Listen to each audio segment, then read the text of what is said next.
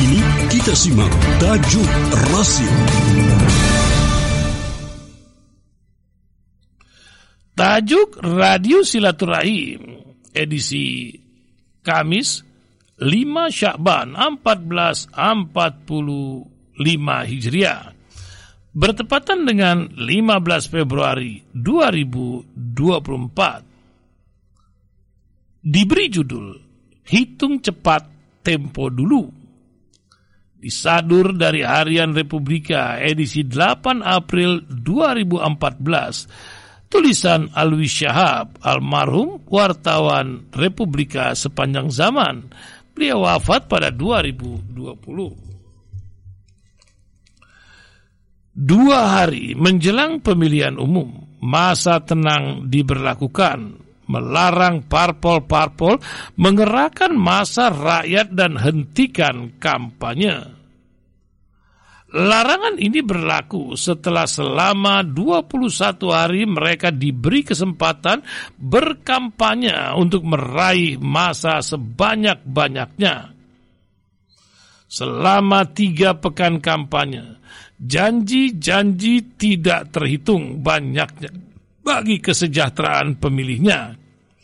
Sementara puluhan lembaga survei yang rencananya akan melansir hitung cepat alias quick count terdaftar di Komisi Pemilihan Umum alias KPU.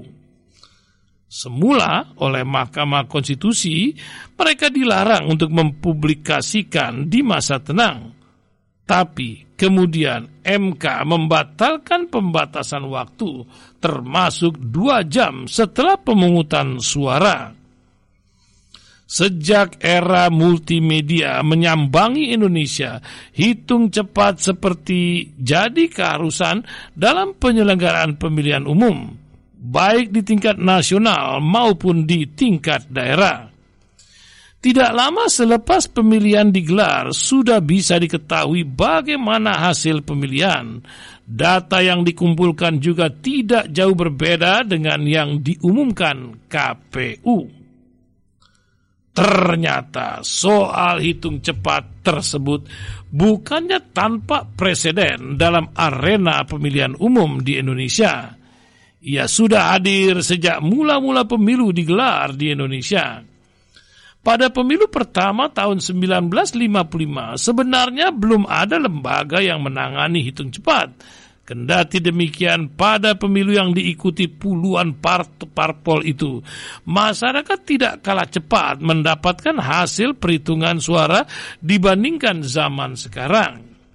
Padahal, saat pemilu tersebut digelar sekitar 59 tahun lalu, sarana transportasi dan komunikasi di Indonesia terbilang masih sangat payah belum ada internet dan fasilitas pengiriman informasi yang lekas. Bahkan televisi pun belum nongol di sebagian besar rumah-rumah masyarakat kita. Perhitungan suara pun sepenuhnya mengandalkan cara manual, tidak seperti sekarang yang banyak didukung oleh alat komunikasi yang serba canggih. Masyarakat yang belum bisa membaca dan menulis saat itu juga mencapai 80 persen.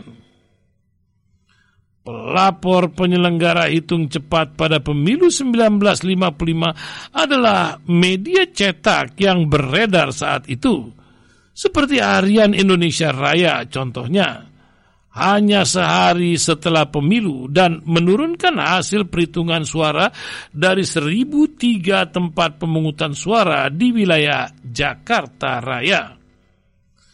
Dalam laporan koran itu, Masyumi berhasil meraih 159.818 suara. Kemudian berturut-turut Partai Nasional Indonesia PNI 123.715 suara dan Partai Nahdlatul Ulama dengan 89.291 suara.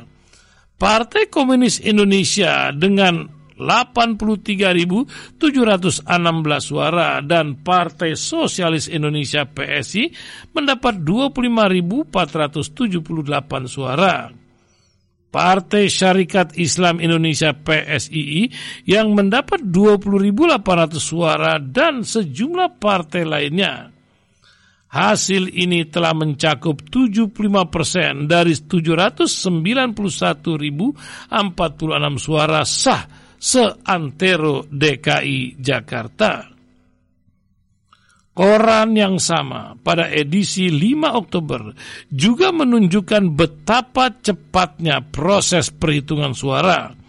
Berdasarkan hasil sementara yang diumumkan panitia pemilihan umum sehari sebelumnya, PNI dan Masyumi memperoleh 50 kursi, NU 37 kursi, dan PKI 36 kursi. Dua minggu setelah pemilihan umum 55 yang berlangsung 29 September 1955, Indonesia Raya mengumumkan perolehan suara PNI 7 juta 551 ribu 165 suara dan Masumi 7 juta 183 ribu 783 suara. Untuk Nahdlatul Ulama ada 6.312.469 suara dan PKI 5.902.413 suara. Memang masih angka sementara, tapi dalam pengumuman selanjutnya pergeseran angka kecil saja dan tidak mempengaruhi perolehan suara. Ironisnya, Seiring dengan zaman kian maju, hitung cepat tidak lagi bisa diketahui masyarakat ramai. Pada pemilu-pemilu setelah 1955 yang digelar sebelum reformasi, pengumuman hasil hitung cepat cep, eh, pe, pengumuman hasil hitung cepat dibatasi.